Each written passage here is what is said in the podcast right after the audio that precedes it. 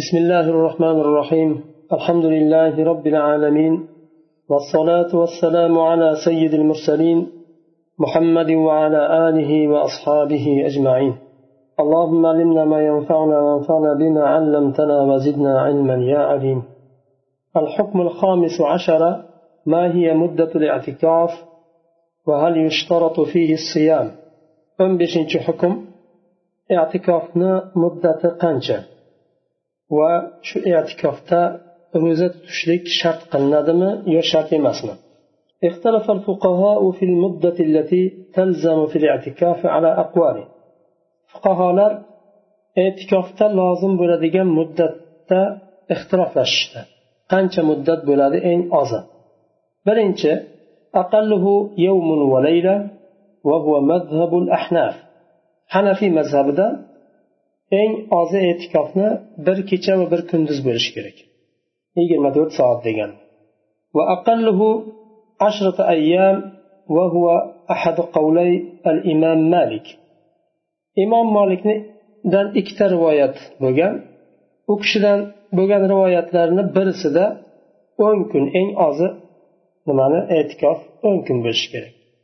Uchinchisi uchinchi so'z. Va aqalluhu lahzatun ولا حد لأكثره وهو مذهب الشافعي imom shofiiy rahimaullohni mazhablarida eng ozi bir lahza bo'lsa ham bo'laveradi masjidga kirib besh o'n daqiqa o'tirib qoldi yo namoz vaqtini kutyapti shu kutayotgan vaqtini e'tikof niyat qilsa bo'laveradi imom shofiy rahimaullohni mazhablarida ويجوز عند الشافعي وأحمد في أحد قوليه الاعتكاف بغير صوم. إمام شافي رحمه الله المسألة و إمام أحمد تن إكي رواية بغن شو إكي رواية نبرس دا روزة سيز اعتكاف وقال الجمهور أبو حنيفة ومالك وأحمد في القول الآخر لا يصح الاعتكاف إلا بصوم واحتجوا بما روته عائشة رضي الله عنها أن النبي صلى الله عليه وسلم قال لا اعتكاف إلا بالصيام أبو حنيفة وإمام مالك وإمام أحمد بن حنبل رحمه الله boshqa so'zlarida e'tikof ro'zasiz bo'lmaydi ro'zasiz bo'lgan e'tikof e'tikof hisoblanmaydi va ularni hujjatlari oysha roziyallohu anhodan rivoyat qilingan hadis rasululloh sollallohu alayhi vasallam aytadilar ro'zasiz e'tikof yo'qdir ya'ni ro'zasiz ro'zasiz e'tikof e'tikof emas degan e'tikof ro'zasiz bo'lmaydi degan mazmunda va hadis e'takif va sum e'tikof tuting va va ro'za tuting degan mazmundagi hadisni ham keltiradilar lekin bu hadisni isnodi nima zaif قالوا إن الله ذكر الاعتكاف مع الصيام في قوله وكلوا واشربوا إلى قوله وأنتم عاكفون في المساجد فدل على أنه لا اعتكاف إلا بالصيام alloh subhanava taolo ro'zani haqida gapirganda va kulu va shrobu to tong vaqtigacha fajr vaqti kirguncha yeb ichinglar deb alloh taolo ro'za oyida ramazon oyini hukmi nozil bo'lganda e'tikofni ham zikr qildi va antum akifuna fil masajid e'tikofni ro'za bilan birga zikr qildi bu dalolat qiladiki ro'zasiz e'tikof bo'lmaydi قال الإمام الفخر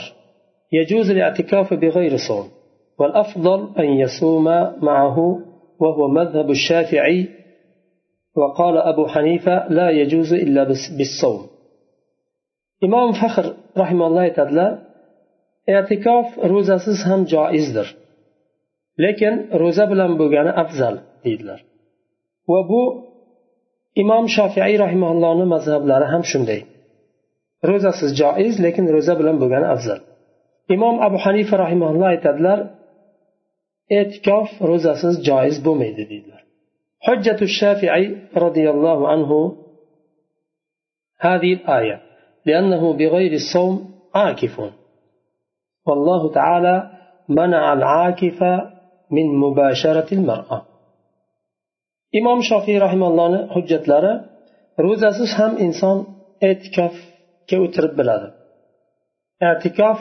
degani o'zi ibodat bilan o'tirishlik alloh taolo e'tikofga e'tikofda o'tirgan kishini ahli ayoli bilan jinsiy muloqotda bo'lishdan qaytardi kunduzi ham kechasi ham bir xilda man qilindi e'tikofda o'tirgan kishi uchun aqul endi shayx rahimalloh aytyaptilar al mashhuru inda fuqaha al ahnaf annahum قسموا الاعتكاف إلى ثلاثة أقسام مندوب وسنة وواجب hanafiy mazhabini fuqarolarini nazarida ular e'tikofni uch qismga taqsimladilar mandub bo'lgan mustahab bo'lgan ya'ni mandub degani mustahab degani مستحب bo'lgan e'tikof va sunnat bo'lgan e'tikof va vojib bo'lgan e'tikof mandub e'tikof nima u وهو يتحقق بمجرد النية ويكفي فيه ولو ساعة.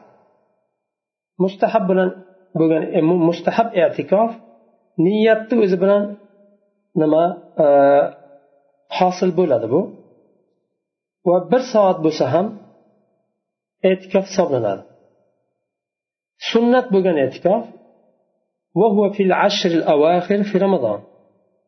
ramazonni oxiridagi o'n kunda qilinadigan e'tikof u sunnat e'tikof. Ramazonni ichida bo'lgandan keyin ro'zasiz imkoni yo'q. E'tikof tutishni vojib bo'lgan e'tikof vojib bo'lgan e'tikof u nazr qilingan e'tikof.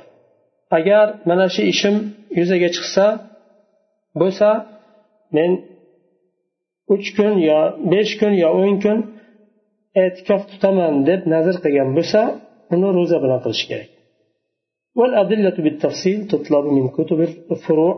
Ya'ni tafsiriy dalillar agar e, dalillarni kim bilishni istasa fiqh kitoblariga qaytilinadi deyaptilar.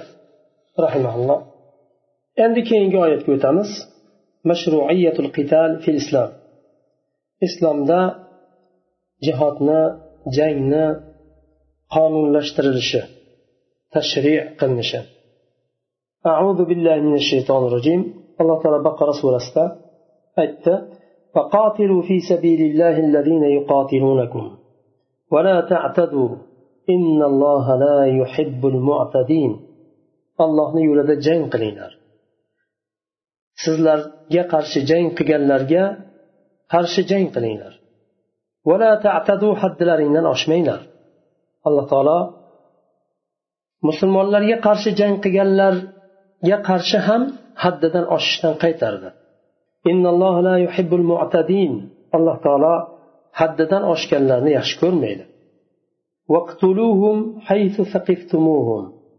وأخرجوهم من حيث أخرجوكم والفتنة أشد من القتل.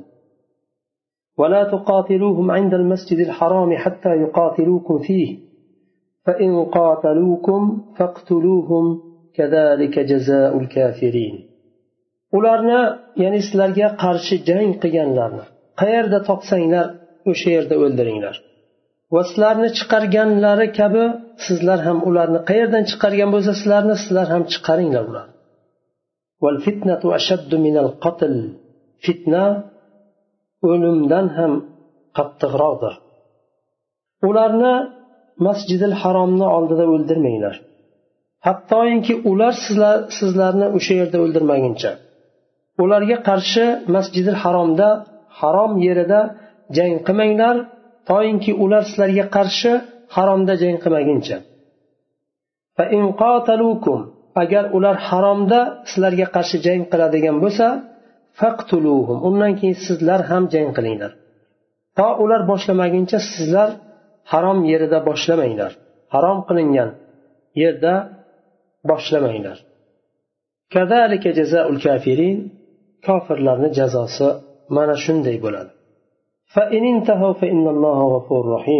Agar ular tiyilsa jangdan sizlarga qarshi jang qilishdan tiyilsa alloh taolo g'afur rahimdir فقاتلوهم حتى لا تكون فتنة ويكون الدين لله فإن انتهوا فلا عدوان إلا على الظالمين ularga qarshi jang qilinglar toinki fitna yo'qolib dinni hammasi ollohniki bo'lmaguncha ollohni dini to'la hokim bo'lgunicha jang qilinglar fitna yo'qolgunicha agar ular tiyilsa allohga rasuliga va diniga qarshi jang qilishdan tiyilsa zolimlardan boshqalarga adovat bo'lmaydi الشهر الحرام بالشهر الحرام والحرمات قصاص فمن اعتدى عليكم فاعتدوا عليه بمثل ما اعتدى عليكم واتقوا الله و... واتقوا الله واعلموا أن الله مع المتقين ular shahril haromda urush jang harom qilingan oyda sizlarga qarshi jang qilsa uni muqobilida sizlar ham shu shu oyda jang qilinglar ularga qarshi kim sizlarga tajovuz qilsa ularni tajovuz qilgani miqdorida siz sizlar ham tajovuz qilinglar. Va allohdan qo'rqinglar. Bilinglarki alloh taolo taqvolilar bilandir. وأنفقوا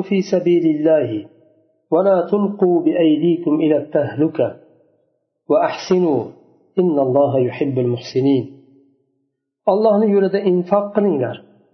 O'zlaringni halokatga tashlamanglar va ehson qilinglar alloh taolo muhsinlarni yaxshi ko'radi bu oyatni sababi nuzuliga o'tamiz bir nimadan keyin sababi nuzulni bu yerda keltirilgan أولا روي أن رسول الله صلى الله عليه وسلم لما صد عن البيت نحر هديه بالحديبية وصالحه المشركون على أن يرجع من العام المقبل رجع فلما تجهز في العام المقبل خاف أصحابه أن لا تفي لهم قريش بذلك وأن يصدوهم ويقاتلوهم.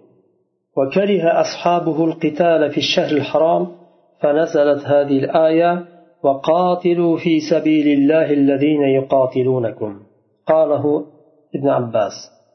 ابن عباس رضي الله عنه عبد الله بن عباس رضي الله عنه bu oyatni sabab nuzulida nozil bo'lishlik sababida aytadilar. Rasululloh sollallohu alayhi vasallam ashoblari bilan umraga chiqqanlarida makka mushriklari to'sadi ularni. Makkaga kirgizmaydi. Shunda rasululloh sollallohu alayhi vasallam o'zlari bilan olib borgan jonliqlarni so'yadilar hudaybiyada so'yadilar va mushriklar shu hudaybiyada sulh tuzadi rasululloh sollallohu alayhi vasallam bilan. Keyingi yilga bu, bu yil qaytib keyingi yilda umralarni o'tkazishni sulh qilishadi.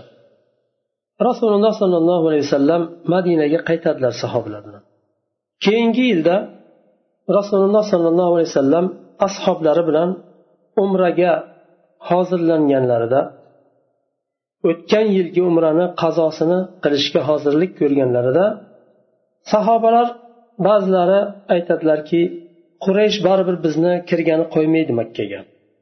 Ular bizni to'sadi makkadan va bizga qarshi jang qilishadi deydilar. Va sahobalar harom qilingan urush harom qilingan oyda jang qilishni kerak ko'radilar. Bu oyni tanlab jang qilamizmi degan mazmunda e, bu oyda jang qilishni karih ko'radilar. Shunda alloh taolodan izn tushadi.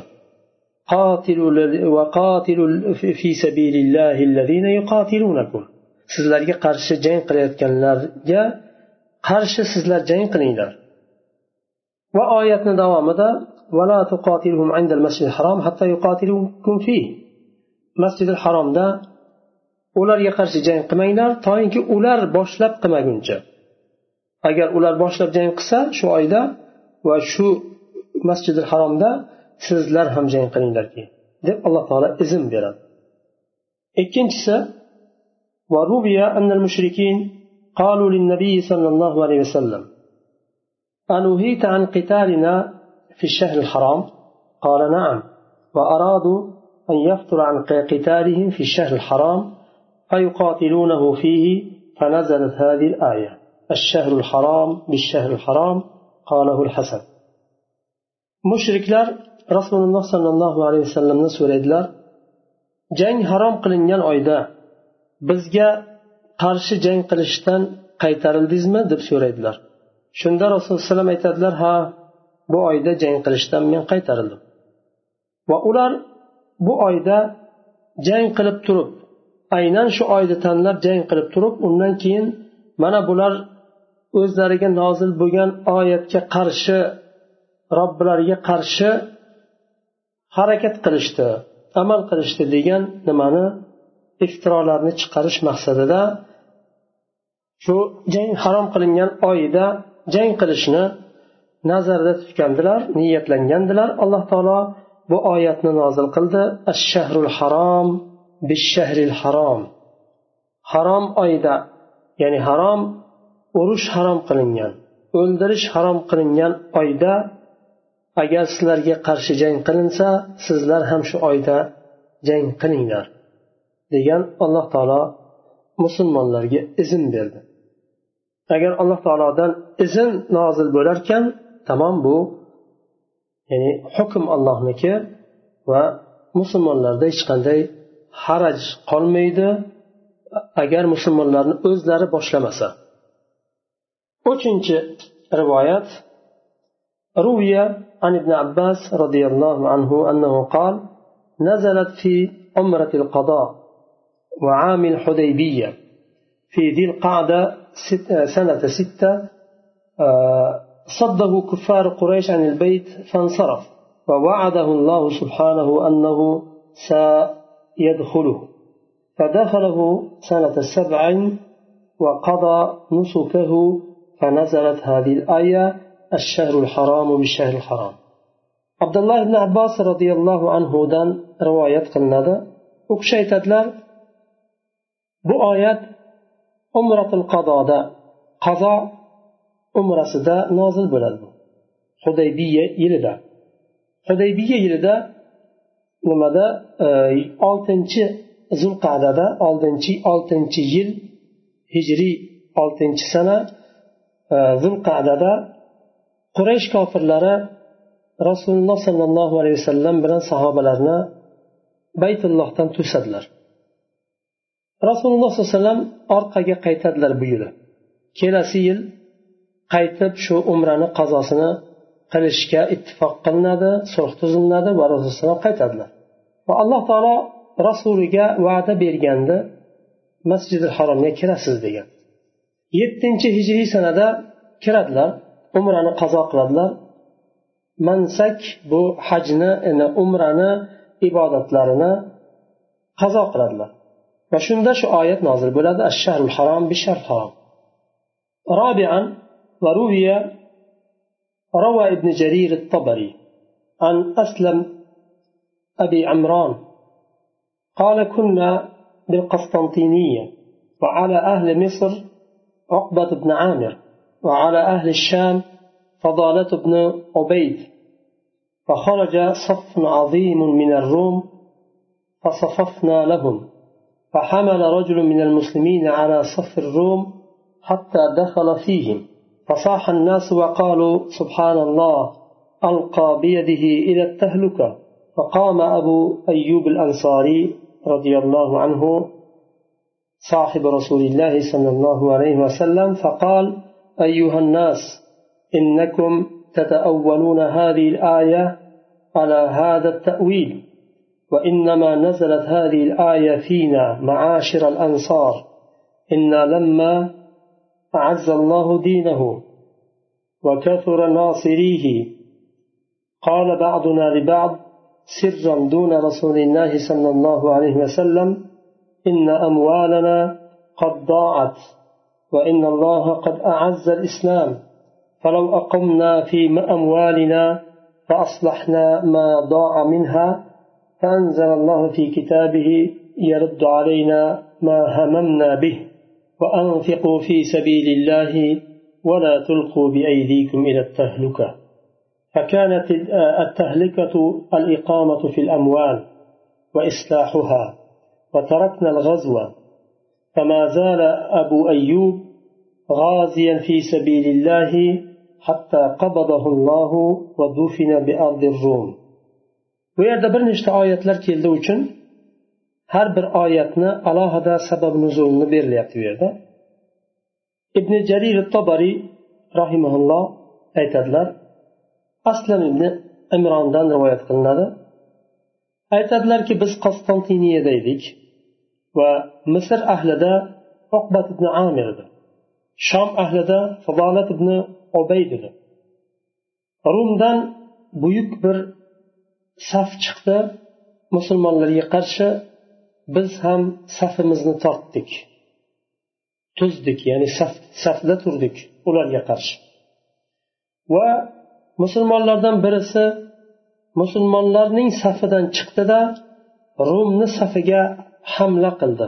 Shijoat bu sahobalardagi shijoat butun rumni imperiya bo'lgan dunyoni o'sha vaqtda katta imperiyalardan bittasi bo'lgan rumni safiga qarab bir o'zi hamla qildi. Orasiga kirib ketdi jang qilib. Shunda sahobalar tovushlarini ko'tarishdi subhanalloh deb. Bu birodar nima o'zini o'z qo'li bilan halokatga tashladi dedi. Ya'ni bir o'zi butun katta bir jang nimani askarni ichiga bir o'zi kirdi o'zini o'zi halokatga tashladi deganlarida abu ayyub al ansoriy rahimaulloh roziyallohu anhu turdilarda aytdilar sizlar bu oyatni shu mazmunga nima tavil qilyapsizlar tafsir qilyapsizlar. Aslida bu oyat ansorlarga bu nima tushgan oyatdir bu? Bizni haqqimizda nozil bo'lgan oyatdir. Alloh taolo dinini aziz qilganda din kuchaydi quvvatlandi va dinga nusrat beradigan yordam beradiganlar ko'paydi.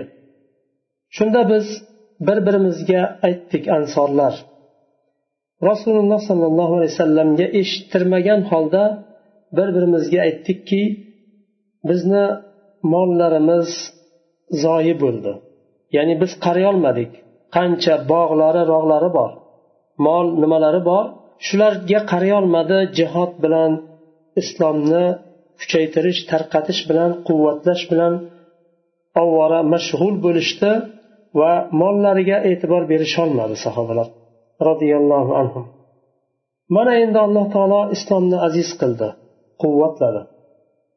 endi biz mollarimizga bir e'tibor bersak zoyi bo'lib ketgan mollarimizni qayta tiklasak isloh qilsak deganimizda alloh taolo kitobida bizga qarshi raddiya sifatida bu oyatni nozil qildi.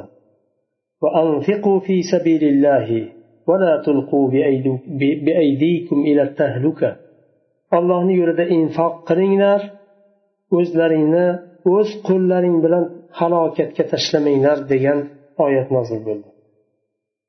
O'z qo'li bilan qo'limiz bilan o'zimizni halokatga tashlashimiz dunyoni qoyim qilishimiz edi.